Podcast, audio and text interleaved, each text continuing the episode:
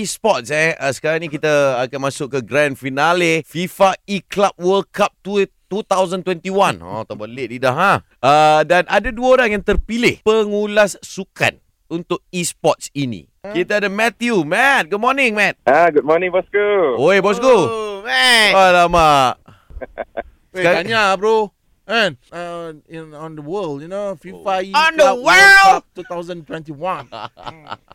Matthew, macam mana eh dapat uh, dipilih? Adakah kita kena letak nama kita untuk pemilihan ke ataupun Atau you boleh guys memang Yang internationally call ke? memang korang dah dah dah ada nama kan? Ke tak ada orang dah nak buat ni?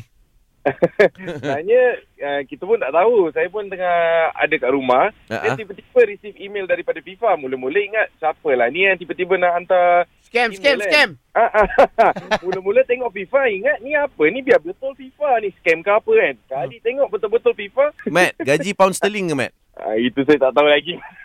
Eh, eh, Eh. ini kau kena tahu eh. Ini lagi kan kau punya manager kaup ni.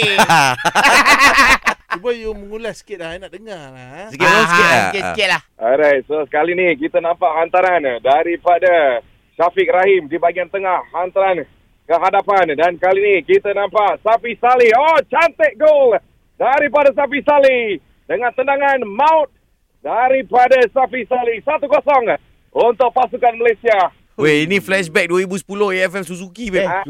2018, 2018. 18? Ah, dua- dia mengulas 2018. Safi Sali semua keluar lagi babe. Ada, ada, ada. Ah. Ah, ni sama-sama saya sikit. Different lah.